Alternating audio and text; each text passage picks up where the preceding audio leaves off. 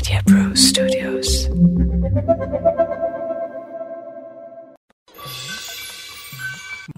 भाई कहल जाला कि धन धर्म कितनो रहे ऊ हर वक्त काम ना आई बाकी अगर बुद्धि आदमी के पास बा तो बहुत काम आई आ सबसे बड़ा धन उहे है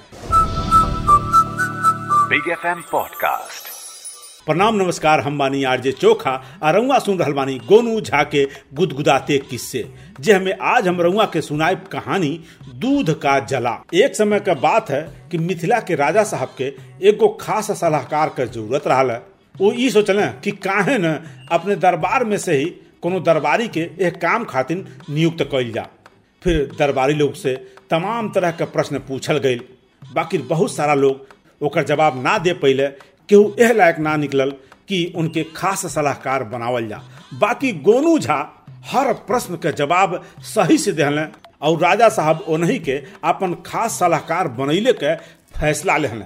अब राजा साहब के दरबार में बहुत दरबारी तो ऐसा रहने कि गोनू झा से ईर्ष्या तो रखते रहना वो लोग बोल पड़ने कि महाराज ये सब तो सवाल जवाब हो गई बाकी व्यवहारिक ज्ञान का परख ना भइल। आ जबले व्यवहारिक ज्ञान का परख ना हो जा तबले प्रमुख सलाहकार केहू के अरुआ कैसे रख सकी ना अब राजा साहब के बात जच गई और वो कहले हाँ बात तू लोग एकदम सही कह रहल बड़ा।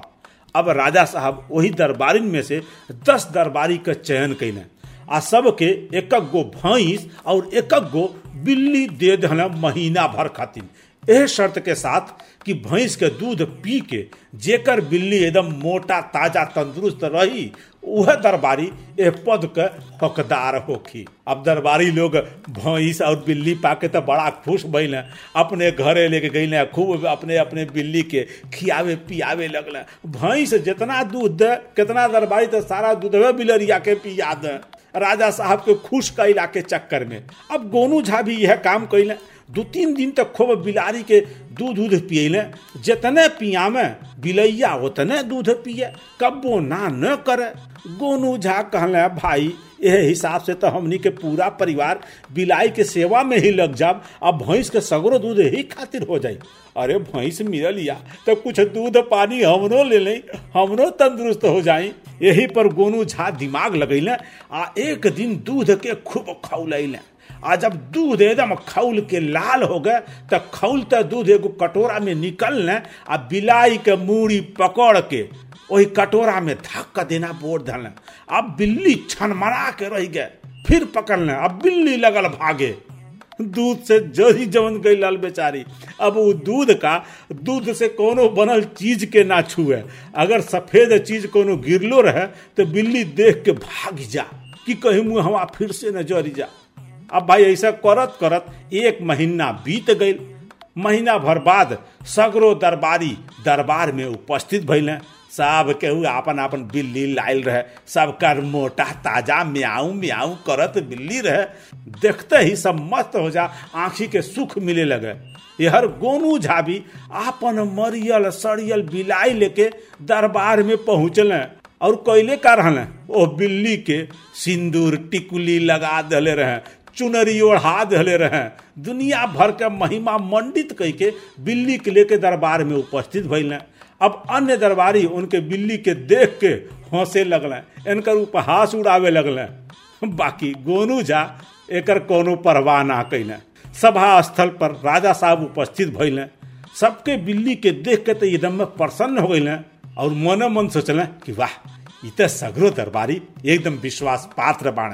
जितना कहली, उतना कैले आ बुझा रहा बा कि सारा दूध बिल्ली पिया देना अपने लोग छोले तक ना। बाकी वही जब गोनू झा के बिल्ली के तरफ़ नज़र पड़ल कि एकदम मरियल सा पिलपिला बिल्ली या फूल माला भी पहन ले बा, टिकुली सेनूर भी लगैले बा।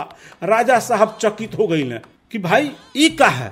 केकर है? यहाँ कैसे पहुंचल?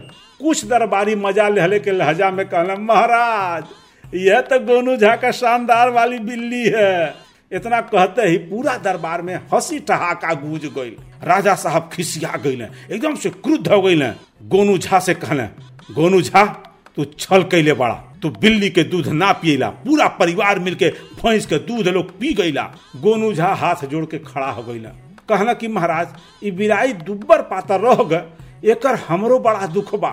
बाकी एक बात रहुओ जान ली कि बिलार जब से हमरे घर में आयल लिया तब से हमनी के खुशी का ठिकाना ही बा। न जाने कौन ऐसा शक्ति बा कि हमने हरदम खुश रह रहल बानी। रहल बात दूध पीला का सवाल तो एके दूध का, दूध के महक से ही जैसे नफरत भइल बा। दूध देखते भाग जाले, आ दूधवे भरना कोनो भी उज्जर सामान एक सामने रख दे तो देख के भाग खड़ी होले। अब हम हमें का कह सकीना महाराज? रउआ बताई इतना बात सुन के कुछ दरबारी ठाड़ हुई न। कहना, महाराज, ई सरासर गलत बात है। ऐसा होइए ना सकेला कि बिलार दूध देख के भाग जा। अब बहुत सारा दरबारी तो मन मन खूब खुश होते रहे कि आज गुनुआ का झूठ पकड़ल गई आज राजा साहब पक्का है कि अपने दरबार से बहरा फेंकी दी है। यह सोचत के एक जनी कहू दहन कि गोनू झा आज तो तोहार झूठ पकड़ल गई राजा साहब अपने प्यारी सी बिल्ली के रंगवा के दहल कि रंगवा के खियबे, पियबे, एके सुखी रखबे।